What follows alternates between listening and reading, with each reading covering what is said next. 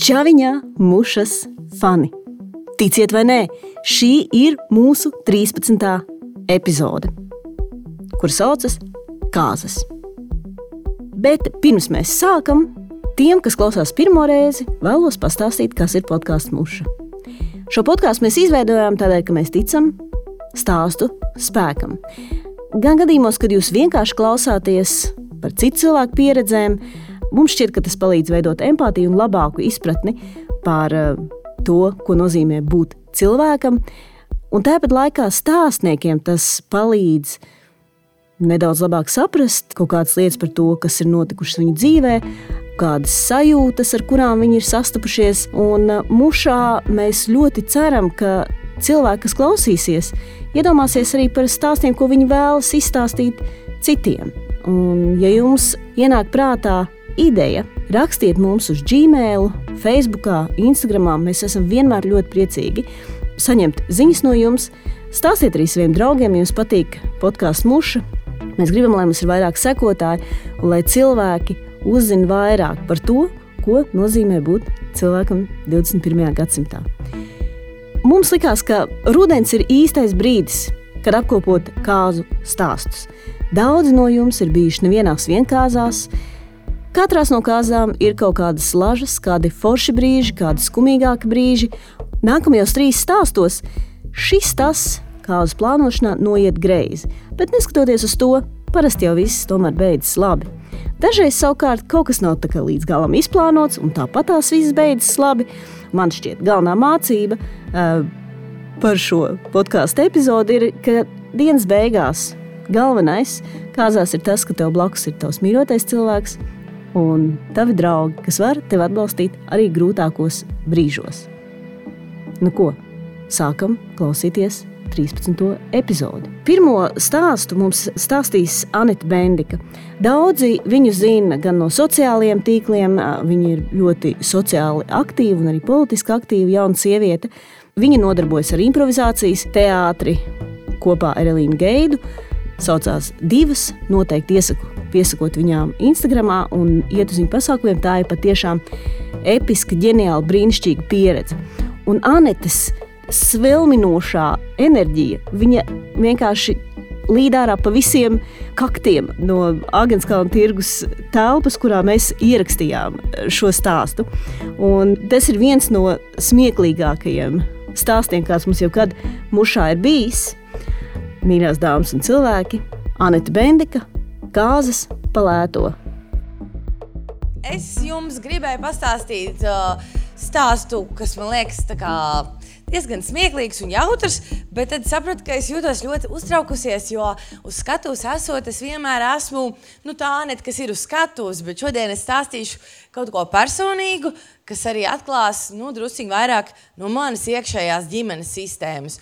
Un uh, vadot daudzas kāzas, jo es tiešām strādāju kāzu vadīšanā, uh, Es redzu cilvēku sejās, kad es viņiem prasu par kāzu vadīšanu, un es prasu, vai ir kaut kādas sarkanās līnijas, ko man vajadzētu zināt par ģimeni, nu, lai es nekliegtu uh, vecākiem rūkts, un viņi jau 20 gadus viens ar otru nerunā. Nu, es tādus jautājumus uzdodu, tad es redzu, ka cilvēks samulst, jo praktiski katrā ģimenē ir savas iekšējās rasborkas, savi karakteri, savi kārļonkoļi un nu, viss kaut kas tam līdzīgs. Un, protams, tā ir arī manā ģimenē, nu, kas arī šajā stāstā parādīsies. Bet stāsts sākās tad, kad es vēl biju diezgan maziņš bērniņš, man bija 23 gadi. Un es izdomāju, ka ir ļoti laba ideja precēties ar Miķeli Bendiku. Un mēs bijām briesmīgi iemīlējušies. Un, uh, viņš mani bildināja pavasarī, martā, man liekas, trešajā. Un es teicu, jā. Un tad viņš teica, bet mēs precamies točna šovakar, jo es uzreiz izdomāju, nākamā vasara ar ilgu plānošanu un audumu paraugu izvēlēm un tādām lietām. Bet kā viņš vēlāk atzinās, viņam bija bail, ka es pārdomāšu, tāpēc viņš teica šovasar. Un tad es izdomāju, ka ja šovasar un ir marts un beig maz laika plānošanai, nu tad vismaz vēlāko vasaru izdomāju 15. augustu. Nu, un, um, es tajā laikā uh, lai arī darbojos improvizācijas teātrī, nestrādāju ne ar kāzu vadīšanu, ne organizēšanu.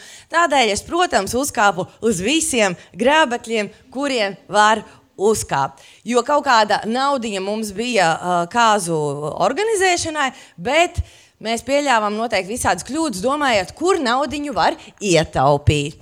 Un pirmā ģeniālā doma bija ļoti skaidra. Kāpēc maksā kaut kāds 2000 eiro kaut kādam viesunamam? Ja maniem vecākiem, kur ir diezgan greizi hipiji, pieder veca mūža. Nu, tad rīktīgi veca, nav remontēta tam līdzīgi, bet hops, hops, tur audumiņš, tur agroplēve, laižam balītē. Abiem mums šī doma likās ģeniāla un Vēl jau vairāk mēs pat varēsim atļauties vairāk kā agroplēvi, jo tie 2000 viesunamam paredzētie tiks ieguldīti man vecāku īpašumā. Nu, redz, visi ieguvēji, visi ieguvēji. Es teicu, zinot savus vecākus, bet mums ir šis jāparunā ar viņiem. Es atceros šo oficiālo sarunu, kur viņi abi māja ar galviņām un saka, jā, protams, mēs priecāsimies jūs uzņemt. Nē, nē, tikai agroplēvīte, nē, nekādu problēmu. Jā, tur jau nekas nevajag zāle lielai gatava, no kaimiņu viesunam aizņemsimies galdus. Pilni, jā, solus sanaglosim paši, dažas talkas un viss būs gatavs. Mēs, protams, jūtamies ārkārtīgi priecīgi par šo izdevīgo darījumu. Tusēt mums patīk, tāpēc, draugi, mums ir daudz darba spēks pa brīvu. Uhu! Uh, ar skūbu jau tiek organizēta pirmā talka, kurā tiek izdarīts aptuveni nekas, tikai dzerts. Un, um, ir vasaras pats sākums, mēs jūtamies cerību pilni. Un cik tad īstenībā laika un talku vajag, lai to agroplēvi pieviņķītu uz grieztu caurumiem. Un mēs, protams, darbojamies cauri vasarai, principā ar talkām, slash dzeršanām katru weekendu. Visu laiku tiek taisīti Facebook eventi, visu laiku visi tiek aicināti. Un kāpēc tu vēl neesi atbraucis, jo mēs tur riktīgi strādājam?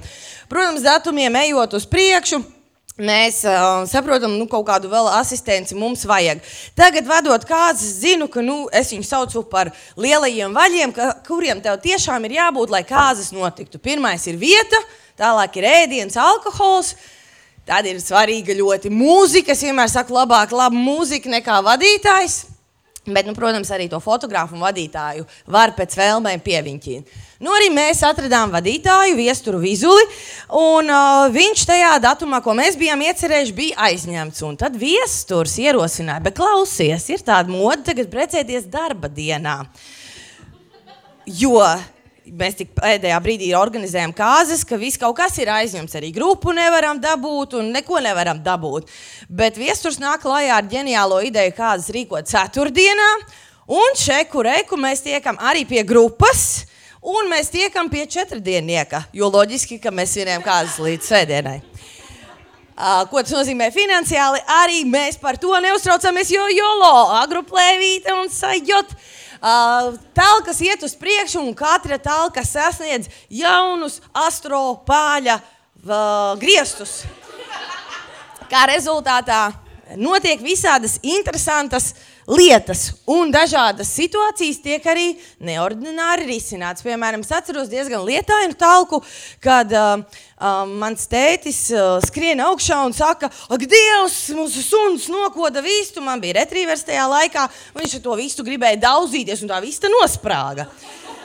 Bet šeit tie, kuri ciena dzīvniekus, var aizvērt ausis. Mums, mūsu astropāli, radās ģeniāla doma – Nevar taču ļaut tai vistai aiziet bojā pavelti. Vārīsim zupu. Tāpēc mēs kolektīvi plūcām vistu, griezām viņai nos galvu. Mēģinājām saprast, ko darīt ar iekšām. Kāds to visu arī fočēja. Mēs bijām ļoti apņēmīgi. Tik pie talkas zupas! Es pat neatceros, kas tur bija. Tā, zupa beigās sanāca vai nē, bet kaut kur paralēli notiek arī darbi. Tas, ko es nezinu paralēli šiem visām talkām, mani vecāki, kuri ir. Nu, Es to droši varu teikt, jo viņi taču neklausīsies šo podkāstu. Viņi ir tiešām real life hippies. Viņi visu savu dzīvi ir ieguldījuši, nopērkot vecu mūžu un visu savu katru peso ieguldu tur. Viņiem ir visādas kreizi idejas un tam līdzīgi. Un es pārāk piedzērusies, lai pamanītu, ka viņi jau kaļ savus plānus ka tur parādās jau savi plāni, kas iet pāri agroplēves robežām. Jo Kaut kur pie sienas atstutēts stāvs apakots spoguļi, ko es tam nezinu, kas tie tādi ir. Parādās smēķējošais santehniķis, kurš visu laiku plazājās apkārt un smēķē un kaut ko runā par to. Nu, tur ūdens kaut kāds jau bija, ne, nu varbūt kaut ko vajag. Parādās Juris, vislēnākais elektriķis ērā kurš saka, ka vispār pagrabstāvā vajag nomainīt vārdus, šitā te viss aizdegsies. Un es domāju, nē, nu labi, ka Juris atbrauca. Un, um, un parādās arī grandiozi plāni. Uh, piemēram, maniem vecākiem ir uh, nu, ļoti lielu vēzienu idejas.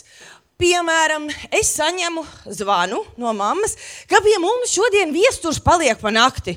Es domāju, tas ir tur vidzemē. Mūsu kāzu vadītājs viesturs brauca, apceļosim Latviju, iebrauca, palika pa nakti. Nē, nu forši. Tomēr viesturs nav mūsu kāds vadītājs, tas ir āzis. Tas ir āzis, kas ir tas, kas maniem vecākiem dzīvē pietrūka, jo notiek tāds gadījums, ka no, tur tie nu, ir rīktīgi lauki, ir, līdz ar to kaimiņi arī ir ļoti interesanti. Un uh, vienu dienu pie viņiem pieklīst āzis ar milzu ragiem, bārdu, bet viņš ir ļoti draudzīgs un ļoti sunīga rakstura. Viņiem viņš ļoti iepatīkās, bet atrodas, kad kaut kāds dzērāja kaimiņš tur tālumā īstenībā ir viestura īstais īpašnieks. Tāpēc nu, vecāki atgriež pēc piederības āzi. Un dzērājs viņu sagaida, un saka, bet ja jums vispār patīk šī tāds, jo viņš tā ir tik draudzīgs, viņš man istabā kopā dzīvo. Jūs varat nopirkt citu āzi. Un pa 3 eiro. Reku man tāds balciem. Vecāki saka, protams, jā. Un viņi nopērk tādu baltu azīti, kuru viņi ieliek bagāžniekā un brauc mājās. Bet azīts nenormāli brāts, nenormāli kliedzi, šausmīgi pārbies. Īstenībā šis eh, būs tā kā dzīvnieku mocīšanas eh, stāsts, principā. Un vecāki atbraucot mājās, saprot, ka viņš galīgi nav arī tāda sunīga rakstura, kā tas viesturs, kas dzīvoja to dzērā istabā. Tāpēc vecāki izdomā, nē, mēs gribam viesturu, nevis to balto āzi. Tāpēc notiek milzu gara mahinācija, kā tas dzērājs tiek pārliecināts, ka, ja viņam atdod atpakaļ balto āzi un piemaksā 5 eiro, var dabūt viesturu, un viesturs dzīvo pie mums.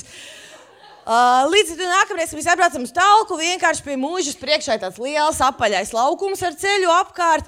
Tur arī ganās viesturs. Bet, diemžēl, tas laukums arī netiek atstāts mierā, jo mans topošais vīrs ir Tikai tad sāka saprast, kur viņš ir ieberzies. Viņam jau radās aizdomas, tad, kad viņš bija pirmoreiz braucis uz turieni, iepazīties ar manu tēvu un pavadīt veču laiku, divu tā, kaut ko pastrādāt, kaut ko palīdzēt. Un mans tēvs teica, rādīja mūžu un uh, teica, nu, tev kā arhitektam vajadzētu novērtēt šo un to. Viņš nav arhitekts, tas ir mans bijušais džeks.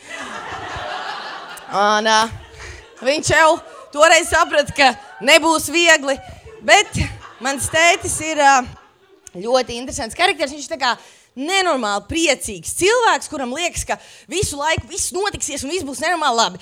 Tāpēc viņš manam ļoti racionālam topošam vīram mēģina ieskaidrot, ka šeit mūžas priekšā, nu kā senos laikos bija mums vajag strūklaku, cik tad tur tā darba? Slavenākais Gatards teiciens, mēs viņu izrakstīsim, uzmūrēsim visu hops, hops, un Miķēls saka, ka tā kā, nu nē, mums ir dafiga jādara līdz kādam, nu nē, šito mēs sanām, Jāni, Strūklaka nebūs. Jā, skatiens ir tam līdzīgi. Mēs palikām toreiz muškunga istabā, kurā ir tāds balkoniņš tieši uz to apli. No rīta pamostamies ar traktora skaņām.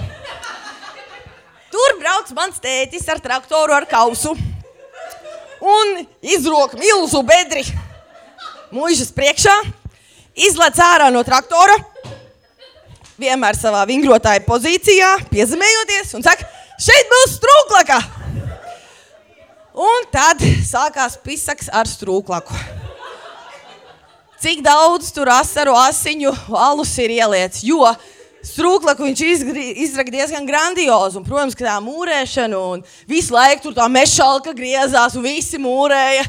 Vi, viss attiecas arī manas māsas boyfriends, atceros, bija iesaistīts mūrēšanā, tagad viņu attiecības arī tika testētas. Tad es atceros, viena atkal kaut kāda kreizīta talka. Mēs, meitenes, mūžai krāsojam logu rāmjus, lai izstāstītu, atsvaidzināts, nezinu kāpēc.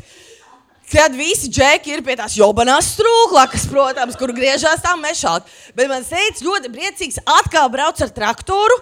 Un tur, protams, blakus ir arī piesiets viesturs. Tāpēc uh, manas uh, māsas boyfriends, kurš neizcēlās ar daudz asprātību, tajā brīdī pateica vislabāko joku ever. Tad visi tur močījās ap to strūklaku. Man sēdz brauc ar traktoru. Un tad viņš paskatās pa logu apakaļ, jo viņš gandrīz jau uzbraucis virsū viesturam. Viņš saka, ui, es gandrīz uzbraucu viesturam. Un ģērbs saka, nu jā, piecīts būtu padīrs. un um, nu, tādā stilā mēs turpinām uz priekšu. Aizmirsu piebilst, ka tur ir arī mazi poniji, kuri dzimst un vairojas, bet tas ir stāsts arī citai reizei. Man jau bail, ka tūlīt dzīvnieku policija brauks pie mums. Bet mēs tuvojamies kāzām, mēs tuvojamies kāzām caur visām šīm te ārprātīgajām talkām. Jā, vēl mums bija tāda lieta, ka nu, tad, tad viss tas, ko vecāki izdomāja, sāka pārņemt. Nu, visu laiku bija tā, ka mēs braucām caur depo uz laukiem, un tās summas kļuva aizvien nereālākas. Un mēs jau vairs kā, visu to mantojumu, kas bija dabūts, mums vienkārši tā kā jolo. Nu, mums 23 gadi, ko jūs gribat. Uh, kur tad vēl naudu tērēt? Un tad bija jau uh, summu absurdumu, kas tur iegāja, atcerieties, sākumu. Kāpēc maksāt svešam viesunamam? Mēs jau ejam vairākos tūkstošos, un vienā depo reizē Miķels iznāca, nu šoreiz gan rēķins ir pa lielu. Nē, nu parasti 300, 400 eiro ir, jo atkal kaut kas jābūvē, un vajag tas tos cementa maisus strūklakai. Bet tad viņš atrada, ka izrādās viena skrūvītei bija mm, cits kods no kaut kādiem superdārgiem, siltajiem gumijniekiem, kuri mums bija iesisti uz 200 eiro. Bet to viņš tīri nejaušības pēc atrada, jo summas jau bija izgājušas ārpus kontrolas. Tad viens draugs, kurš tā arī neieradās uz kāzām, man tētis savoda asinis. Viņš māks špaktelēt. Tāpēc deju zālē, kas ir blakus lielajai zālē, kur ir grieztos šitāda izmēra caurums, ropčīk. Rupčik, cik tā tur tā darba? Čupa ir, čupa nav. Vēl viens man tēta mīlestības teiciens. Ap to laiku es sāku pamanīt, ka man draugi ir iesaukuši Gatārtu kā sastāvvietu par Katargu, jo diezgan intensīvi notika talkas. Uh, tas viss virzās uz uh, absolūtu izmisumu, kas saucas kādas noteikti ceturtdiena, pēdējā sestdiena, svētdiena pirms kāzām. Nu, darba ir nenormāli daudz. Visur ir kaut kādas stālažas. Māma kaut kādus aizskars grib pieviņķīt. Miķels ar māri būrē kaut kādu sienu. Anormālā pālī viss tas notiek. Man draudzene Evija ar Anci pēkšņi tiek iepazīstināts ar tapešu ruļļiem. Pazuduši ir plāni par agroplēvēm. Ir jau tāpēc. Evija ar mani draugu mēģina iebilst, ka viņas nekad dzīvē nav līmējušas. Tāpēc, bet tas nav šķērslis. Re, kur ir trepes, re, kur ir līme. Šeit mēs līmējam kvadrātus, viņas tiek ierāmētas, tad blakus būs spoguļi un tad tās lielās lustras. Un es esmu vienkārši tā kā pilnīgi padavusies. Es vienkārši dzeru. Bet uh, mēs domājam, ka viss vēl kaut kā sanāks. Visi kaut ko kā bez galvām skraida un dara un cenšas savākt visu pirms kāzām. Es aizbraucu atpakaļ uz Rīgu, man liekas, nu, vecāki jau kaut kā pabeigs. Kaut kā jau tās kāzas sanāks. Es ierodos mūžā trešdienas vakarā. Un tas, ko es redzu, ir lielā zāle, pilna ar stalažām, ceturtdienas kāzas. Nav neviena galda. Un uh, nu, notiek pilnīgs vaiprāts. Tēta labākais draugs Gunča skrūvē toaletes. Top toalešu kabīnes. Nu, tā kā Ir noteikti nu, tas absolūts vaiprāts, un es saku, bet, bet rīt šeit jānāk cilvēkiem. Ir. Un uh, tad uh, es saku, jo tiem galdiem jau bija jābūt atvestiem. Teicu, saka, no problēma, traktors strādā, brauksim pakaļ ar piekabi. Bet traktors nestrādā līdz galam. Viņam nedeg gaismas, un ir jau vēls vakars, un ir tumšs. Tāpēc traktora maksimālais ātrums ir 25 km/h. Viņam nedeg gaismas, viņš uz 15 km attālo viesunām brauc bez gaismām ar 25 km/h. Un manu topošo vīru ar Volvo priekšā ar ieslēgtām gaismām, lai mans tētis redz, kur braukt. Jāsaka, tas bija arī ļoti liela pārbaude viņa pacietībai. Es kaut ko piedalos, tad es tajā jaunus būvētajā toaletes kabīnē atceros, ka es raudāju. Un tad es domāju, ai, bļaigi, es esmu līgava. Es eju gulēt, kaut kā jau tā viss sajot. Ja nekas, ar draugiem kopā stiepsim galdus iekšā, kaut ko pieviņķīsim. Ēdiens būs, alkohols būs, kaut kā jau viss notiks. Nu, veselu čūpu ar draugiem negulēju visu nakti. Un, uh, no rīta pamodos septiņos, izēju uz trepēm, otrā stāvu trepas, balts, nostaigāts, paņēmu spaini, sāku mazgāt. Nu, kas ar tā darbu daudz? Man māsa izskrien tāda viegli nenormāla, visu nakti strādāja, saka, Tu esi līga, tu nav jāmazgā trepas, tev ir jāklausās franču mūziku, jādeklarē apakaļ istabā. Saru, ok, stulī pabeigšu trepas un būs. Visi skrien tā kā vistas bez galvām, bet es tieku ievesta līgavas pasaulē kur tiešām mana māsiņa ir sagatavojusi eklērus un servīzītes un uh, mūziku un ierodās make-up mākslinieci un frizieri un es tieku ievesta tādā skaistā, lieliskā pasaulē muškunga istabā. Tad uh, es biju aizmirsusi par tādu lietu, ko es tagad saviem kāziniekiem atgādinu, kur būs vīrs. Jo viņam gadījās tā, ka visiem vietas mūžā nebija, tāpēc klētī tika savests cienas. Tā kā arī viņš strādāja ļoti ilgi, viņš ar vienu čomāku atrubījās tajā siena galā, un viņš savu kāzu rītu sāka čurājot krūmā pie klēts. Tad Māris, viņam labākais draugs, atnesa jēgaršotu, un tā kā viņš diezgan arī smirdēja pēc visu vakardienas darba, vienīgajā dušā viņi uz maiņām gāja mazgāties. Un tur nebija franču mūzikas un nekā diezgan skarbi apstākļi, kamēr es tur tiku pūderēta un viss notikās. Um, nu, kādas pašas, protams, bija zaibis. Un uh, mums bija uh, ļoti labi. Uh, kāzas pagāja nenormāli ātri. Mēs uh, dzērām, mēs dzīvojām, un uh, mēs to darījām. Tad jau bija 6 rītā, un es sapratu, ka es pēdējiem 20 cilvēkiem palikusi.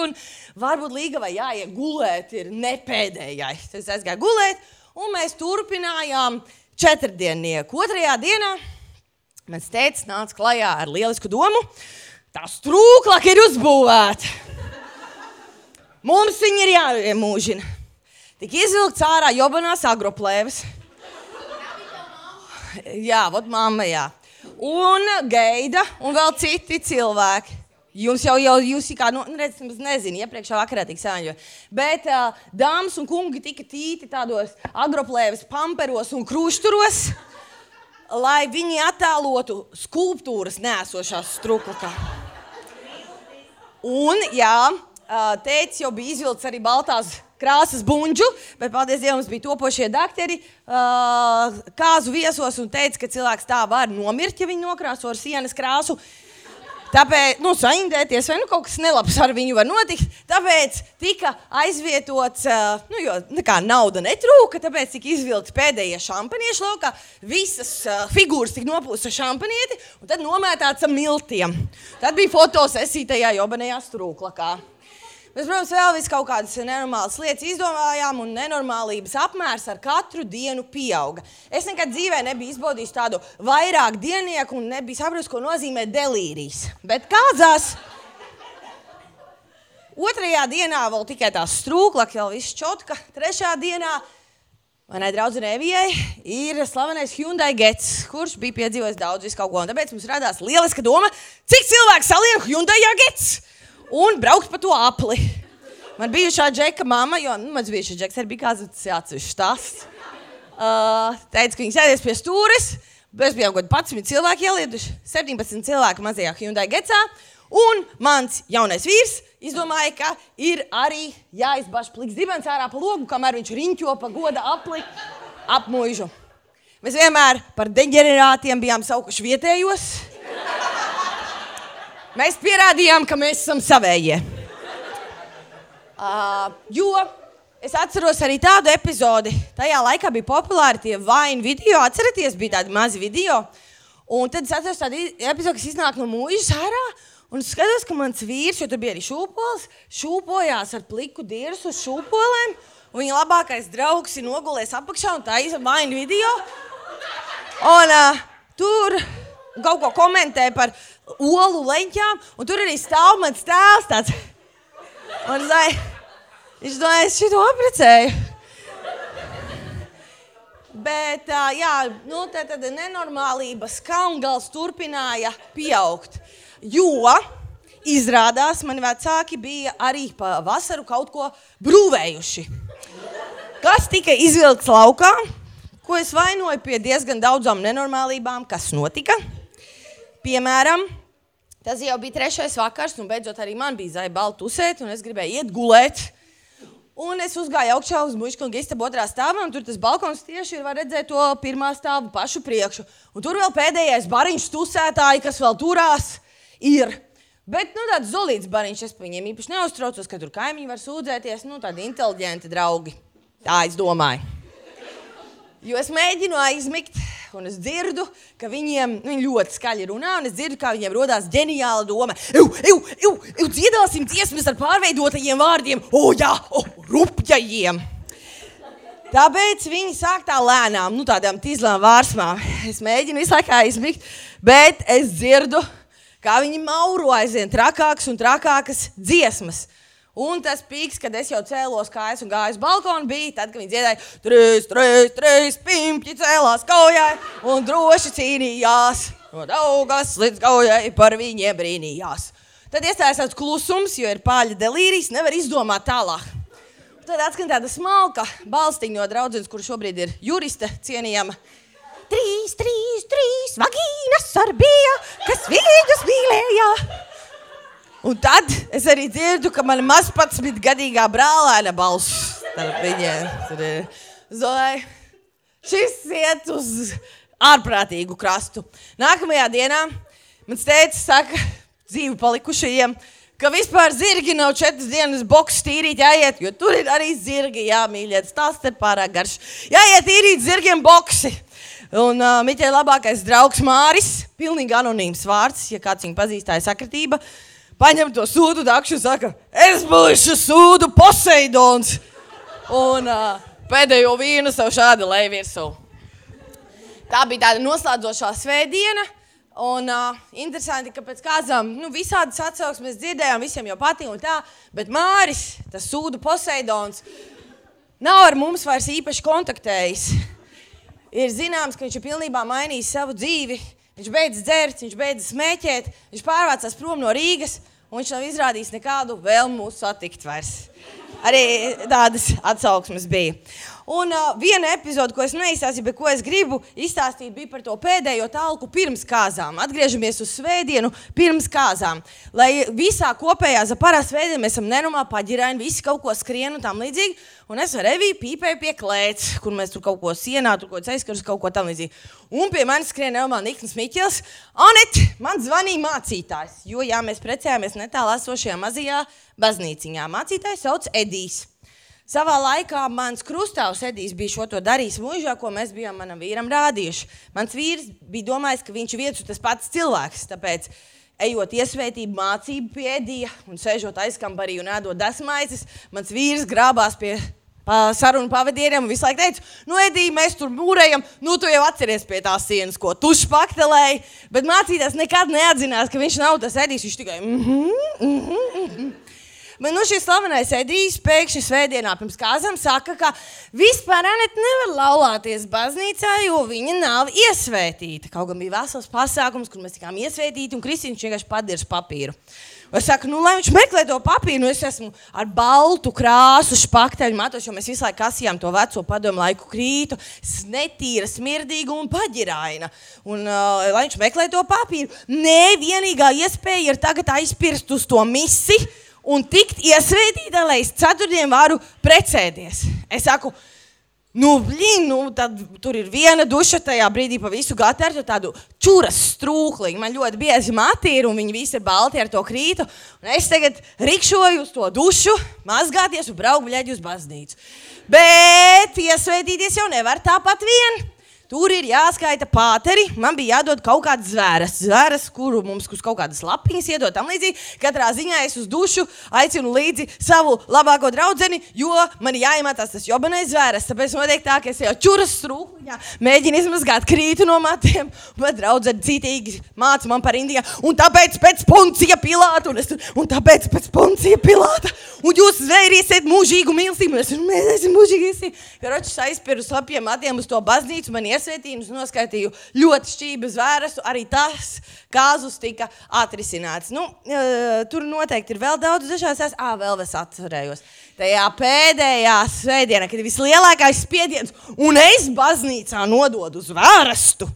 Tikmēr trīs vīru spēks, kas būtu ļoti noderējis jebkurā citā um, pozīcijā, kur bija ļoti daudz darbu, piesakās uz to, ka viņi uzbūvēs mazmājiņu, kuru čurā tiem, kas paliek klētī. Nu, ziniet, lauku būdiņu koka. Bet, diemžēl, viņi nedaudz uzsmēķēja kaut ko, kas Latvijā vēl nav legāls. Tāpēc viņi visu dienu pazuduši, un tagad atbrauc no baznīcas uz vakar pusi, tie trīs lohi parādās un prezentē būdiņu kas ir četri stabi ar plēvi starpā. Un uh, viņi ir izdarījuši arī tādu ļoti saku belēdri, bet to būdu viņi nesa, jo tā ir pārnēsājumā, moderna, mobilā. Un tad mans mīļākais bija tas, ka tagad, kad ienāc tajā plēves būdā iekšā, tā ceturtā siena šeit nav. Tās durvis te nav.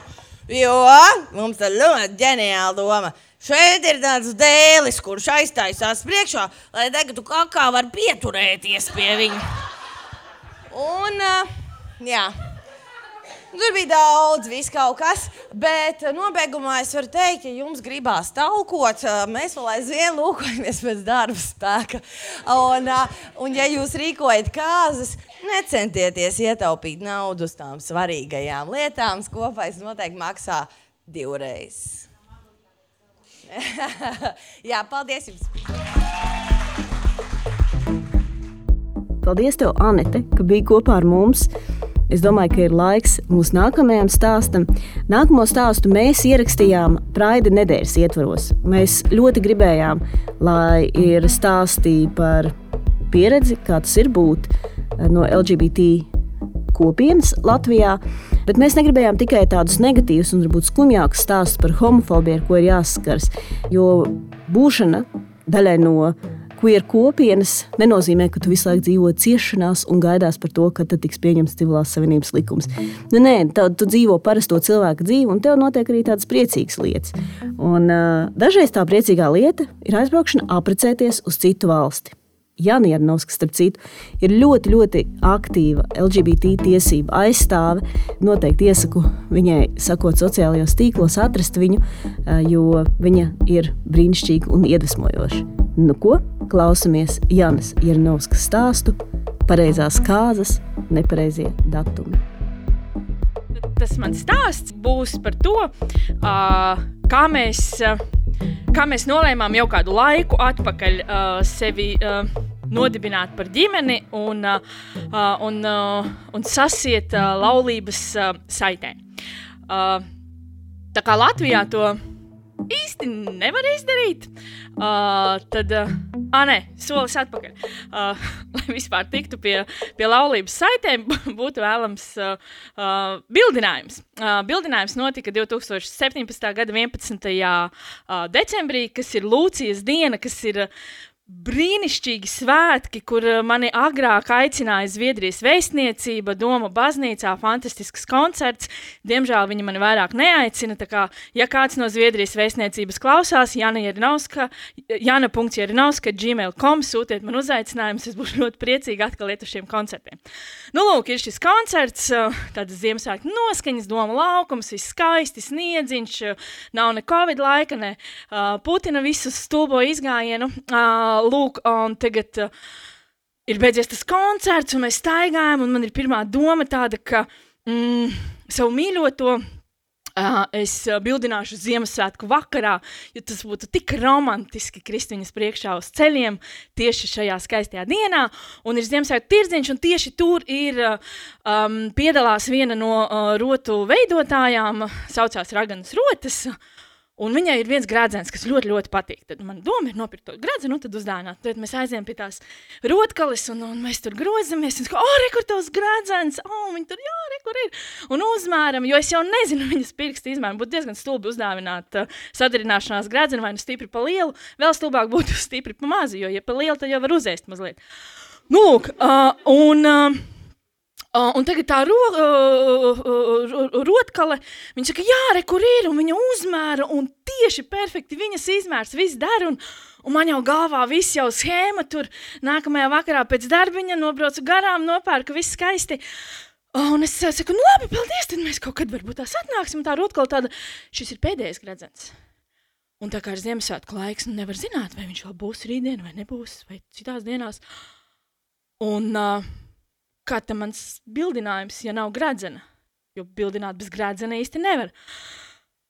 Un tajā pašā laikā sieva ir blakus topošā sieva. Tad viņa vēl ir topošā sieva. Es saku, klausies, Lilita, aizēj, varbūt tās nopērts mums, uh, mums kaut kādus karstvīnus. Es tur nu, paskatīšos, kas un kā. Es saku, sakiet, pie jums ar karti var maksāt? Es saku, nē, nē, tikai skaidrā naudā. Naudas nav vispār. Lilita saka, man ir nauda. Saka, klausies, mīļā, aizdos man lūdzu to naudu, es tev pārskaitīšu uz kontu. Nu, situācija ir tik stulba, cik vispār varētu būt. Nu, beigās viņa pārskaita to naudu, viņa aiziet pirkt karstvīnus, nopērk to gradzenu, vēlams par āvis, kas, kas vispār notiek. Satiekamies tieši pie, pie izējas vārtiem, kur viss ir skaisti. Domāju, nu, nu, principā visi, visi Ziemassvētku pasākumi jau ir sadirsti, basically, nu nav ko te čakarēties. Saku, mīļā, vai tu kļūsi par manu sievu? Uz ko viņa atbild, jā, labprāt.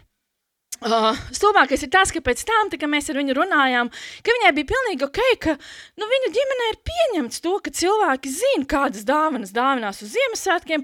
Tāpēc viņa bija pārliecināta, ka tā būs vienkārši Ziemassvētku dāvana. Tā kā, nu, pēc būtības šo visu varēja nesasteidzināt, bet nu, es to izdarīju. Tad, tad ir 17. gads, es viņu bildinu. Mēs bumbulējamies, bumbulējamies, bumbulējamies. Principā apmēram ir šis laiks, uh, jūlijas augusts, ne tagad ir jūnijas. Tad jūnijas, nu, augusts, augusts apmēram. Mēs sākam domāt, klausies, mēs jau tā kā, nu, kaut kādu laiku jau esam tā kā sadarinājušās, varbūt tās kaut ko sākam bīdīt, nu, kaut ko vajadzētu. Skatāmies biļetes. Skatāmies biļetes Dānijā uz Kopenhāgenu, brīnišķīgi, pa 60 eiro turpat atpakaļ. Ideāli. Viņa tur kaut ko tur pa numeroloģiju pareiķina, tur traļi vaļi, pieci vaļi. Uh, 22. februāris, perfekts datums. Viņai dara, man dara, nu, pēc numeroloģijas. Es jau nezinu, man jau vienalga. Saku, nu, devai! Pērkam biļetes, nopērkam uz 21. februāra aizlidojumu uz Kopenhāgenu. Čik, čik! Es tevi mīlu, tu mani mīli, aprecamies, bālīte un 23. lidojumā atpakaļ. Viss brīnišķīgi.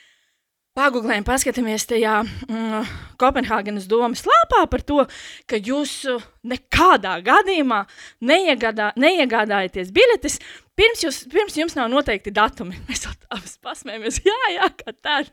Kas, nu, what can go wrong? Jā, uh, nu lūk, uh, viss aizgāja wrong. Tā ka viss. Um, Bija uh, jā, ātrākais, cik var pieteikties, pieteikties Kopenhāgenes domai, ir četri mēneši. Tāpēc mēs nolēmām, ka nekur nesteidzamies, iesniedzam dokumentus. Uh, dokumentus mēs aizsūtījām viņiem uh, oktobrī. Nē, novembrī. Novembrī mēs aizsūtījām dokumentus. Nu, novem, uh, novembris, februāris, nu, tik daudz laika, nu, what can go wrong atkal, vai ne? Uh, Nu, lūk, aizsūtījām dokumentus, atnāk mums atpakaļ informācija par to, ka thank you for your email, we will get you in contact in 30 days.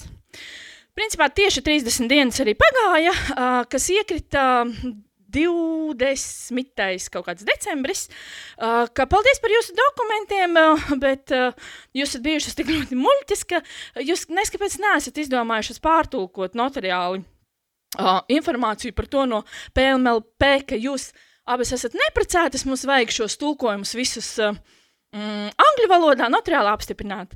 Vēlreiz atgādinu, tie, kas varbūt tās nepiefiksēja, ir 20. decembris, uh, trīs dienas līdz Ziemassvētkiem. Uh, principā jau cilvēki negrib strādāt. Jau, jau nav.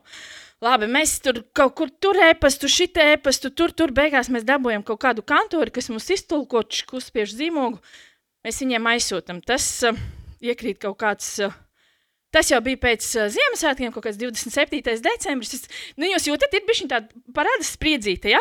Jā, ļoti labi. Lūk, uh, ir kaut kāds 27. decembris, bet vēl 22. februāris, what can go wrong, joprojām. Uh, nu, lūk, uh, un uh, saņemam atpakaļ ēpastu, ka, uh, sorry, but in this year all dates are busy. Tas, what? Bet, nu labi, tad mēs saprotam, ka okay, tas gan jau ir nevis par februāra mūsu izvēlētajiem datumiem, bet gan jau par, par no nu, šo gadu, ka mēs esam atsūtījuši. Protams, Ziemassvētku, Ziemassvētku laikā nekādas atbildes nav. Jaunā gada laikā arī nav nekādas atbildes. Ir janvāra sākums, beidzot ir atbildes, ka congratulations, traļi vaļi pieci vaļi. Viss kārtībā apsveicam, bet 22. februāris ir aizņemts.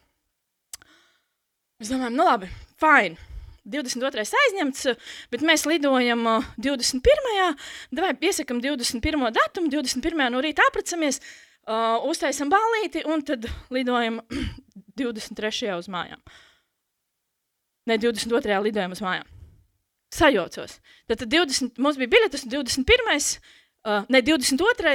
Uh, jā, 22. mēs esam tur un 23. mēs lidojam atpakaļ.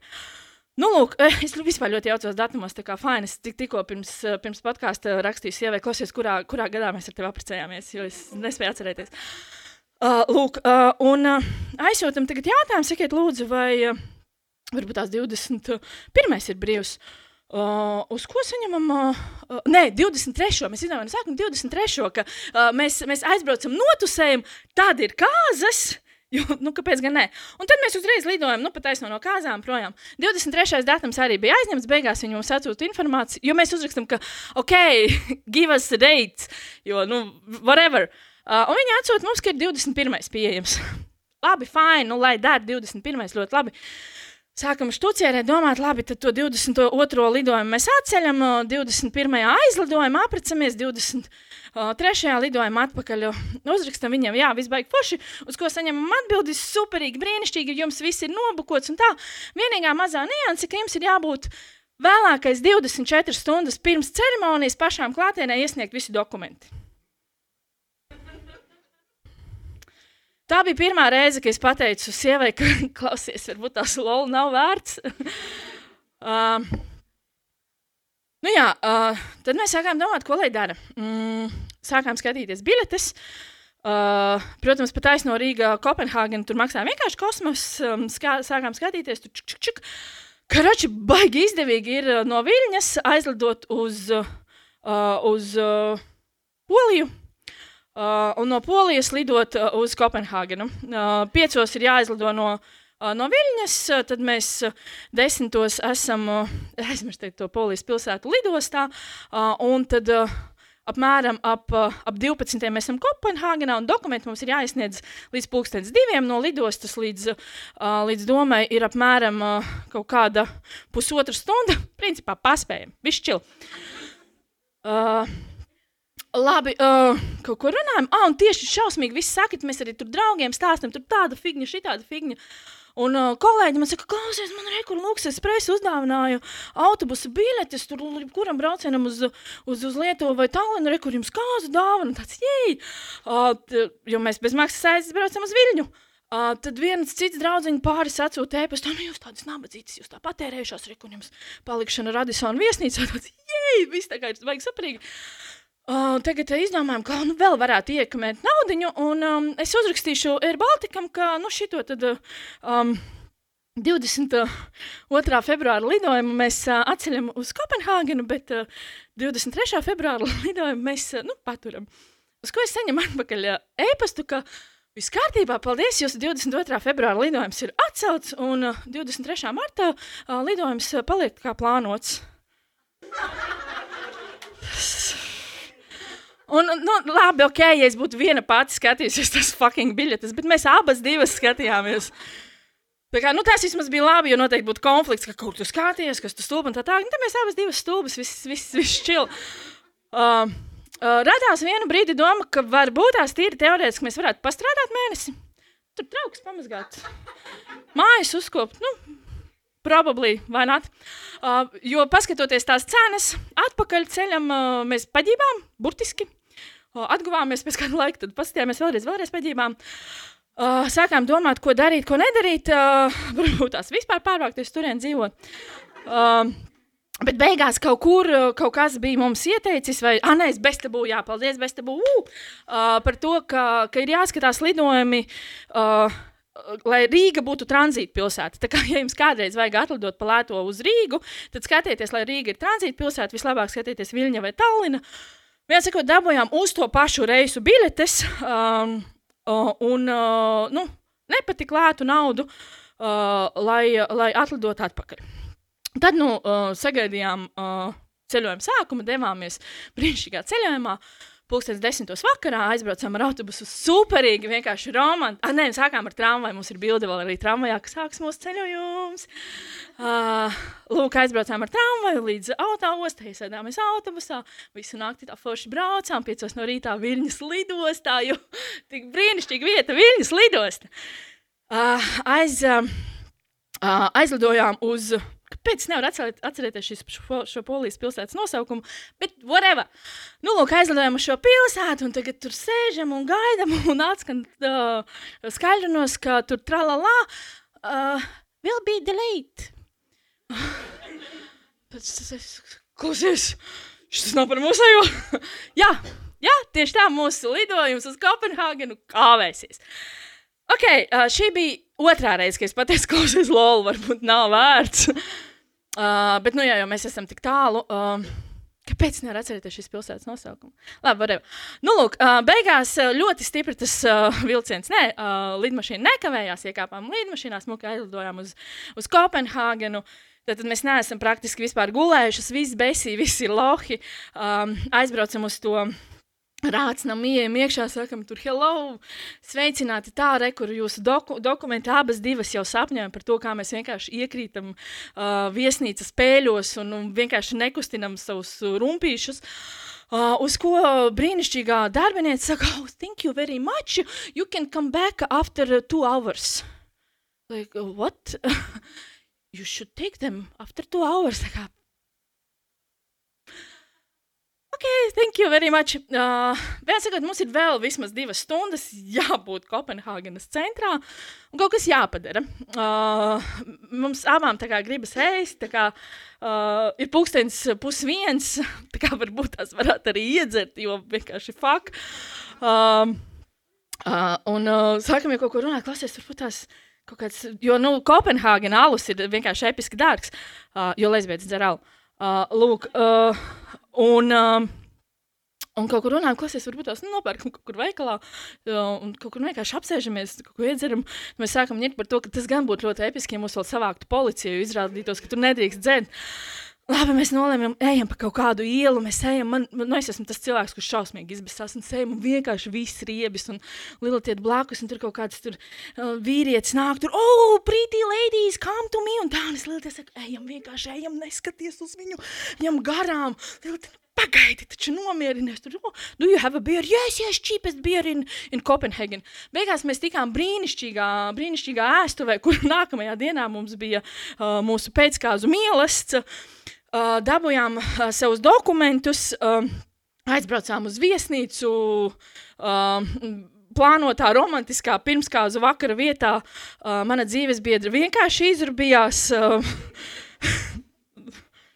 Jā, mīnā, un tad es viņu vēl tur pabildēju. Viņai draudēja, ka es likšu sociālos tīklos, uz ko viņa vispār nu, nereaģēja. Nākamajā dienā viņa teica, ja tu būtu kaut ko tādu ielikusi, tu vispār varētu, nekad man vairāk neredzēt, tas muļķības, mēs vēl lidosim atpakaļ.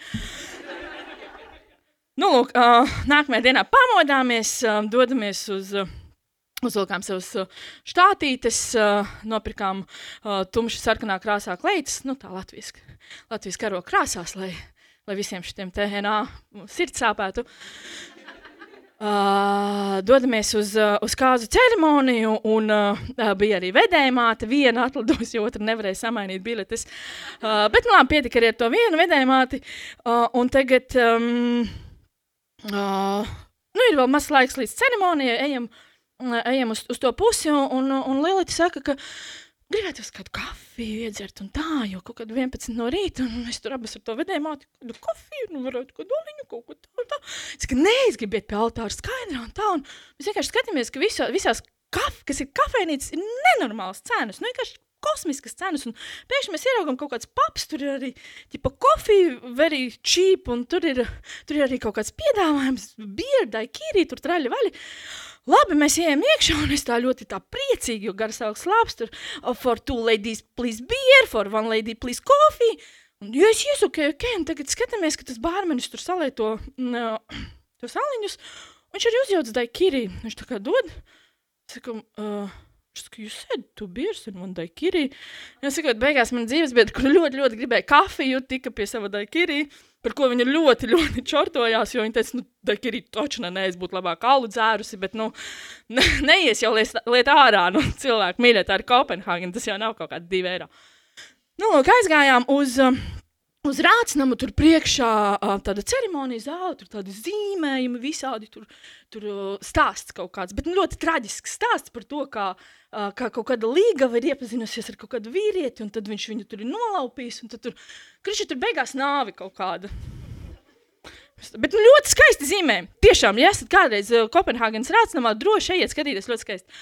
Un tad ir arī cilvēki, nu, kas gaida, ka viņus izsauks. Tur, nu, lūk, un mēs tur abas trinamies, trinamies, un tur mūsu iesauc, un tur trāļi vārdi, tur apsveicam, un tā. Un, un arī tie paši mm, ceremonijas organizatori ļoti priecīgi, jo beidzot ir pāris, kurš priecājas, precoties, nevis ir vienkārši atnācis tā kā, yes, yes. Uh, un, uh, un, un, un tagad pašas beigas, un tas ceremonijas vadītājs dod mums tādu aploksni, kur ir uh, dokumenti, ko mēs esam pārakstījuši, un viņš saka, ka Uh, and in, in, this envelope, you will have all the answers in your uh, most tough time. In this book, you can read all, all about marriage, how to make it perfect. Mēs abi stāvam tāds, yes, viņš tāds, no. Here is story about the painting on the walls. okay. Uh, nu jā, uh, bet, bet labā ziņa ir tāda, ka mums nebija tikai viena ceremonija, jo nu, šis ir 21. februāris. Uh, tā kā bija arī pāris draugi uzaicināti, kur mēs arī piespiedām biļetes nopirkt uh, tajā augustā. Būtu baigi nērti viņam pateikt, klausieties, tā jau atcerat, un tad jūs lidojat tur ārā. Uh, tad mēs norganizējām arī ceremoniju 22 kur es biju pazīstama ar vienu mācītāju no Kopenhāgenes. Viņa uzrakstīja mums tādu situāciju, varbūt tās varat mūs salauzīt. Viņa saka, jā, jā, varu tur. Nu, vienīgais, nu, nezinu, kā būs. Nu, tur atsūta to mm, baznīcas attēlu, nu, šāda būs baznīca. Es atveru šo baznīcas attēlu, un tur ir vienkārši fucking katedrāle. Nu, tā, ka tiešām tāda, tāda, buh. Es saku, tā kā tiešām? Tāda, nu, jā, nu, jūs apmierināt. uh, I don't know. uh, tad no 22. mēs braucām uz šo, uz šo baznīcu, Grundtvigs Church. Uh, brīnišķīgi. Baznīca un tā kā Dānijā principā līdz 300. 60 dienas gadā, tad mums paveicās, ka tā bija tā viena diena, kad spīdēja brīnišķīgi saulīte. Tā visa katedrāle bija fantastiski izrotāta. Šajā brīdī man būtu jāieslēdz PowerPoint prezentācija un jārāda jums bildes, bet uh, es pieļauju, ka, ka, ka Džēma man vienkārši nogalinātu, ja es vēl turpinātu stāstīt. Uh, nu, lūk, uh, uh, tad nu, baznīca mūsu dēļ aiztaisa ciet baznīcas durvis. Tagad visi uzmanīgi, uzmanīgi, ja? Mācītāji bija sieviete mācītāja bija sieviete, lesbiete. I know, vai ne? Amazing. Uh, un šī mācītāja sarunāja priekš mums uh, ērģeles. Tad nu, mēs gājām pie tā, tā, tā, tā, tā, tā, tā, tā. Ļoti skaisti. Un uh, mūsu četri viesi, mēs kopā bijām septiņi cilvēki šajā lielajā katedrālē. Uh, un uh, mans tāds, laikam, uh, viens no mīļākajiem momentiem ir tas, ka mēs stāvam pie šī altāra un uh, viss, uh, viss šis, šis, šī brīnišķīgā ceremonija. Es tā kā pametu aci un es skatos, ka tur viena no vedējumātēm sēž. Uh, Um, ir tāda improvizātora Elīna Geida, jā, gan jau, ka jūs uh, daļa zinat. Es skatos, ka viņai priekšā ir tāds tā kā nolietis, es domāju, pa kuru laiku viņa ir paspējusi nolie, nolieties. Un beigās mēs izējām ārā no tās baznīcas, viņa saka, klausies, kur tu nolējies? Es nenolējos, tās ir mans asaras. nu, lūk, tā nu mēs aprecējāmies. Um, Bija ļoti, ļoti traģisks mirklis, tad, kad pie baznīcas mēs nolēmām šķērsot ceļu. Man dzīves bija nolēma nepaskatīties ne pa labi, ne pa kreisi. Viņa gan iznotrieca rītens, un es kļuvu gandrīz par uh, atraitni.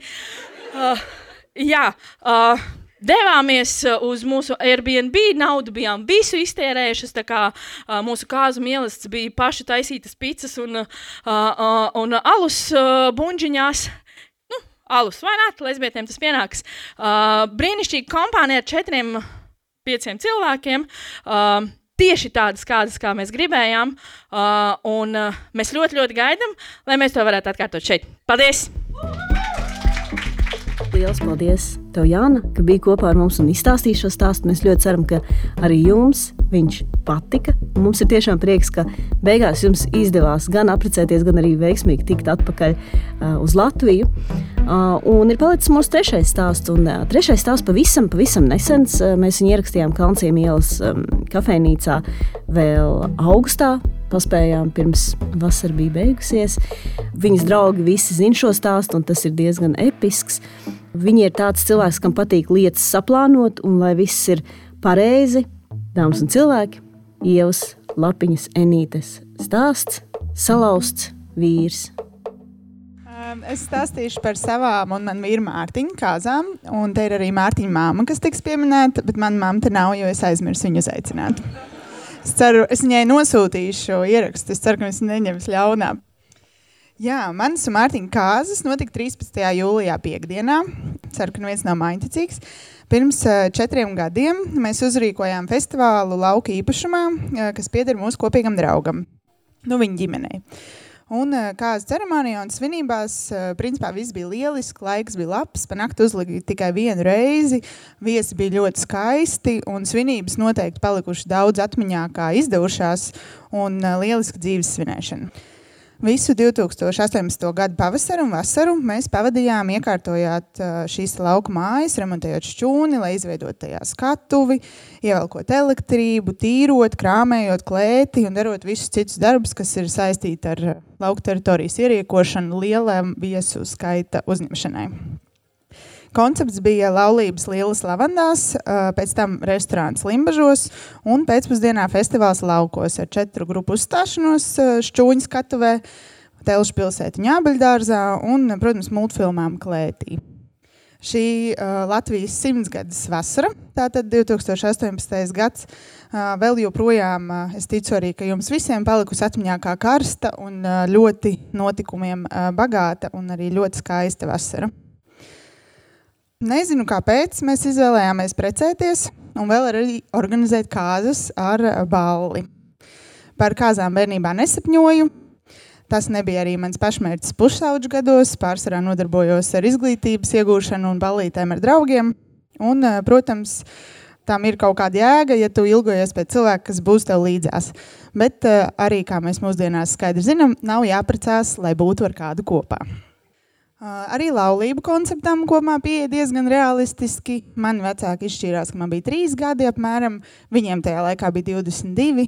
Ja kādam šobrīd ir 22, vai arī jūs esat kādreiz bijuši 22 gadus veci, tad iespējams, ka šie iemesli nav jāmeklē tālu. Un tālāk arī man nav jāskaidro, kāpēc cilvēki ar diviem bērniem 22 gadu vecumā izlemj šķirties. Um, otrs mans lielais piemērs bija mans draugs vecāki, uh, kuri arī izšķīrās uh, tad, kad viņu jaunākajam dēlam palika 18 gadi. Līdz ar to mani piemēri par ilgstošu un romantisku, romantiskām attiecībām pilnu laulības dzīvi ir visi noslēgušies neveiksmē. Un kāpēc tad, lai es ticētu, ka man, atšķirībā no viņiem, izdosies kaut kas labāks? Bet uh, mēs uh, ilgstoši bijām jau ar Mārtiņu kopā, tajā brīdī jau septiņus gadus. Un likās, pienācis laiks ir eh, progresēt vai regresēt. Tad, nu, pēc vairākām sarunām mēs izvēlējāmies progresēt. Un ne tikai progresēt vienkārši aprecoties, bet uzrīkojot lielu balli un ieguldot tajā daudz naudas. Nu, kā jau kāzām laukos pienāks, liela daļa no tām uh, bija gatavošanās, ja izvēlēs darīt visu pats. Piemēram, mans vīrtēvs, kurš ir elektriķis, ievilka šķūnī elektrību, kas nozīmē, ka ir jāizrok bedra no galvenās mājas, jāizvelk vadi un jāveic viss ar to saistītais process. Kā rezultātā mums bija sešas tādas slimnīcas tipa prožektoru lampas, kas piestiprināts pie caurajiem šķūņa griestiem. Šūnas tika iztīrīts, un, protams, mums vajadzēja arī grīdu, Līdz ar to mēs izveidojām konstrukciju, lai uz tās uz, uzsistu virsū dēļus, nevis dēļus, bet skaidru plāksnes, kurus mēs speciāli šim mērķim iegādājāmies. Šķūnī bija arī tāds atvērums, kurām tika organizēts un atvests plasmasas lokus, kas tika iemantots atvērumā, kas bija ļoti svarīgi, jo atvēruma šķūņa aizmugurē bija labības lauks, vienā pusē bija miežu lauks, un otrā pusē, man liekas, bija auzu lauks. Un tad mums bija takošs joks par to, ka kāzu vidū var visu laiku izlemt, vai braukt auzās, vai tomēr iet miežos. No rīta tas bija arī populārs uh, um, saulēkta bildēšanās punkts, un pārsvarā visi gāja miežos, tad mēs nospriedām, ka mums būs laba kopā dzīvošana. Bet, kā jau es minēju, mēs neesam mainticīgi, piekdien 13. Kāpēc izvēlēties organizēt laukos kāzas, nevis īrēt viesunamu? Man personīgi nepārāk patīk flīžu grīdas. Ja jūs pastaigājat pa viesunamiem Latvijā, jūs ievērosiet, ka visās uh, viesu zālēs lielajās ir flīžu grīdas. Reizēm viņas ir maskētas kā fake koku grīdas, bet īstenībā tās ir flīzes. Un tad nu, man uh, vienmēr jādomā par to, kāpēc, lai tu izvēlētos, kā praktiskam cilvēkam, kāpēc, lai tu izvēlētos likt flīzes lielajā zālē. Un tas ir tāpēc, lai tu varētu labāk satīrīt. Ja nu kādam kaut kas izlīst vai paliek nelabi, tad to visu var smuki saslaucīt un noslēpt, lai nākamie viesi nezina. Ceru, ka ar to es jums nesabojāju viesunam pieredzes, bet, ja jūs pavērosiet, flīzes tur ir.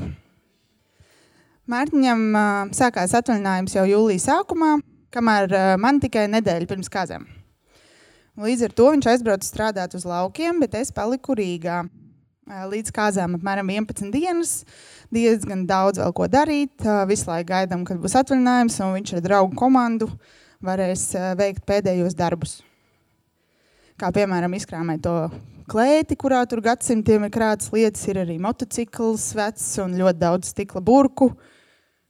Um, jānopļauj visa zāle, jāizmazgā istabas, uh, telšu pilsētiņā ierīko, jāstiekās ar restorānu cilvēkiem, jāiegādājas un jāizved uz tuvējo skolu ēdiens. Ja kāds uh, rīko laukos kāzas, tad iesaka izmantot uh, skolu pavāris, lielisks naksnīm gatavotājs.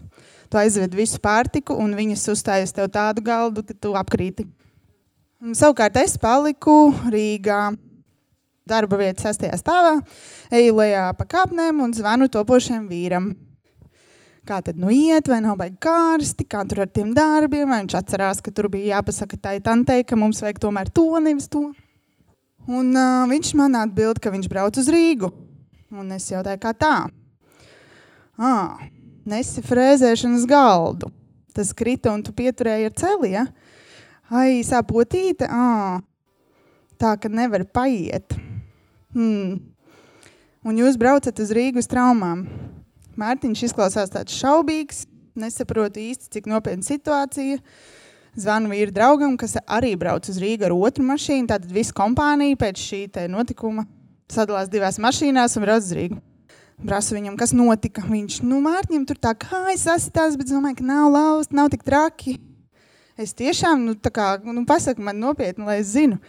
Nu, viņš tur nekas traks, viss būs labi, mēs tagad braucam uz traumām, tad neuztraucies, tiekamies traumās. Es tev vēlāk uzzvanīšu. Nu, laikam jau man iekšējā sajūta brīdināja, ka ir ziepes, ja jau es biju izlēmusi piezvanīt tieši divas minūtes pēc tā brīža, kad nu, uzkrīt šīs galds uz viņa kājas. Liek teikt, ka galds bija ļoti smags, un četrtā nesot, kā neveikli iespieda Mārtiņa celi, tā ka viens kauls sadragāja citu, Tā tad potīt nebija samežģīta, bet gan lausta. Tad jūs iedomājaties, šis te uzspiež, līdz ar to šis sadragā to. nu jā, mēģiniet iztēloties. Līdz kāzas balītē laukos palikušas desmit dienas, un Līgavens ir slimnīcā. Manā galvā ir visas tās domas. Vai pārcelt ballīti, un līdz ar to arī kāzas, vai precēties un atcelt tikai ballītes daļu, jo skaidrs, ka ar laustu kāju nevar īsti padējot, kā arī kā viņš uzvilks bikses, ja viņam būs ģipsis un uzvilks jau ir nopirkts. Mums vēl ļoti daudz darba laukos, kurš to visu izdarīs un kā norganizēsim. Vai viņam būs kruķi, un vai viņš vispār varēs uzkāpt pa kāpnēm, jo mēs paliekam otrajā stāvā pirtsmājā pa nakti. Man arī tajā brīdī nebija autovadīšanas tiesību, un vispār kā mēs tajos laukos nonāksim. Un uh, varbūt, uh, viņš tajā lielā lavandā, nu kāds iztīsies, ka viņš kā iet ar tiem kruķiem, tomēr tālu jāiet, jūs esat bijuši pie limbažiem, tur tāds skaists lauks lavandas un pa vidu tai. Tad man bija, varbūt viņš varētu kā zirgā iejāt, kā princis, bet tad tas sapnis nomira ar to, ka domāju, kā viņš kā nokāps lejā. viņš kaut kā tā uz vienas kājas. Mārtiņam zvanu mana māma un sabara ka šī tāda neuzvedība nav pieļaujama pirms kāzām, un kā viņš varēja sevi tā nepieskatīt un viņas meitiņai šī tādu sāpju uztaisīt. Zana arī Mārtiņa mama un raud klausulē. Mārtiņš guļ vienā palātā ar dejotāju, kuru lamā deju pasniedzēja. Jo šis dejotājs salauzis kāju naktī spēlējot futbolu, un tagad lielajos Latvijas simtgadus dziesmu sēkos, deju svētkos, nu, dejotājai nav pāra arī es atnāku uz slimnīcu. Pēc trīs dienām būs šī operācija, likšot skrūves. Tā tad nebūs ģipsis, bikses varēs uzvilkt. Un, uh, un līdz vasaras beigām tomēr ar tiem kruķiem jāsteigā. Es labi turos, neraudu, līdz māsiņa sāk ar uh, durt viņam vēdrā, tad ar šļirci, tad es arī sāku raudāt un neprom. Man ir žēl sevis, žēl arī Mārtiņu, kuram dur, liekas ļoti sāpīgi. Nu, līdz ar to Mārtiņš, kuram ir salauzta kāja, mūs visus mierina. Es viņam prasu, vai pārcelt. Viņš saka, ka neko negrib atcelt. Mēs rīktīgi ieguldījāmies. Otrais to ne viņš nes, neesam gatavi darīt. Un esam jau tik tuvu uh, tai dienai. 6. jūlijā viņam ieliks krūves, 7. palaiž mājās. Kāja pamst kā mazs ruksis, jo ārā ir vasara. Reāli tāda zila pelēka Mēs dodamies peldēties, un sieviete pie jūras saka, ka viņa, viņam nopūstā kāja. Viņa to ir redzējusi. Vajagot braukt ātri uz slimnīcu. Mēs viņai neticam. Es viņam neļauju gulēt, jo ir tik daudz ko paveikt un paspēt, bet toties tās bikses var uzvilkt, un tas līdz ar to plusiņš salauztiem līgvenam. 13. jūlija rītā mēs apracamies traumatologu vārdiem, līdz kāzām sadzīs tā arī nepiepildoties. Kas attiecas uz kādas tradīcijām, mums bija radoša pieeja. Šķīvim braucām pāri lielā piekabē, kur stūm četri mūsu draugi. Mičošanā dejoja ar brāli, jo no salos tā līga vai nekāds dejotājs nesanāca. Un bildēšanās laikā viņš visu laiku mēģināja savu salausto kāju paslēpt aiz manas vārku malas. Kopumā mums izdevās, manuprāt. Viņš tikai dažas reizes dejojot, gan arī nokrita uz sejas, kā varat iedomāties. Mans vīrs arī ir mūziķis. Viņš spēlē grupā DJ Krankenwagen, kas ir Latvijas underground grupa. Un jūs varat viņu paklausīties gan Spotify, gan Cam, Bandcamp un citos strīmošanas portālos. Nu, līdz ar to mums daudz draugu mūziķu. Kāzās mūsu draugs profesionāls skaņotājs bija paņēmis no sava, da, savas darba vietas daudz tehnika, Un, uh, laikam viņš strādāja tajā laikā ģildē vai kaut kā tā. Un tad uh, viņš dabūja gulēt blakus tai skatuvei teltī, lai sargātu to visu savu dārgo instrumentu. Un mums spēlēja četras grupas, kā minēja. Grupa Nē, grupa Martas Asinis, Rūķis no grupas Zigzag un īpašs spēcprojekts, kas sastāvēja no talantīgiem muziķiem. Mūsu draugiem bija izveidots tieši mūsu kāzām, kas bija ļoti īpaši mums abiem. Tagad rudenī es aizgāju uz sieviešu stand-up KKC, kura dalībniece ir arī džema. Un viena no komentēm pārnāja cilvēku izvēlētās mirkļa bija, kas uh, Instagramā viņu kāzām. Mums tajā bija hashtag Ennīšfests. Un uz viņas komentāru domā, tavas kāzas ir festivāls? Es varu atbildēt, jā, manas kāzas bija festivāls. Bija tās grupas, bet arī viens no viesiem rīt agrumā uh, Kleicaukšā čurāja gumijniekā, kamēr otrs kā, pabīdīja savu spilvenu madracīti malā, lai tērcīti netek viņam uz galvas. Nu, vai tas nav kā, festivāla cienīgi? Pēc tam domāju, vai vajadzēja tomēr tās kāzas pārcelt, un tagad ar skaidru galvu man liekas, ka īstenībā vajadzēja gan. Vienīgi tajā brīdī bijām tik ilgi jau strādājuši, ka žēl bija izmest gatavošanās darbu. Un es noteikti būtu izbaudījis savu kāzu dienu un nakti daudz vairāk, ja mans vīrietis nebūtu salauzts. Tomēr daudz draugu teica, tās bija labākās kārtas, uz kurām viņi ir bijuši. Nu, tā tad recepte labākajām kāzām. Salauziet vienu, un otru pielieciet pie darba, nes galdus, jo tas pirmais nevar panest. Un tad jums būs salauzts līgavens, nogurus līga, labākās kāzas. Jā, bet atgriežoties sākumā, kad Mārtiņš man bildināja, viņš atnāca no mājas ātrijā palīdzībā. Ziemassvētku vakarā, kas ir arī man vārdiena, jo man sauc Ieva. Pulkstens vieniem naktī iebrida ar zābakiem. Viņiem tāda liela zābaka ar metālu tādu priekšu istabā. Pamodināja mani ar grēdzenu, kas man izrādās bija par mazu.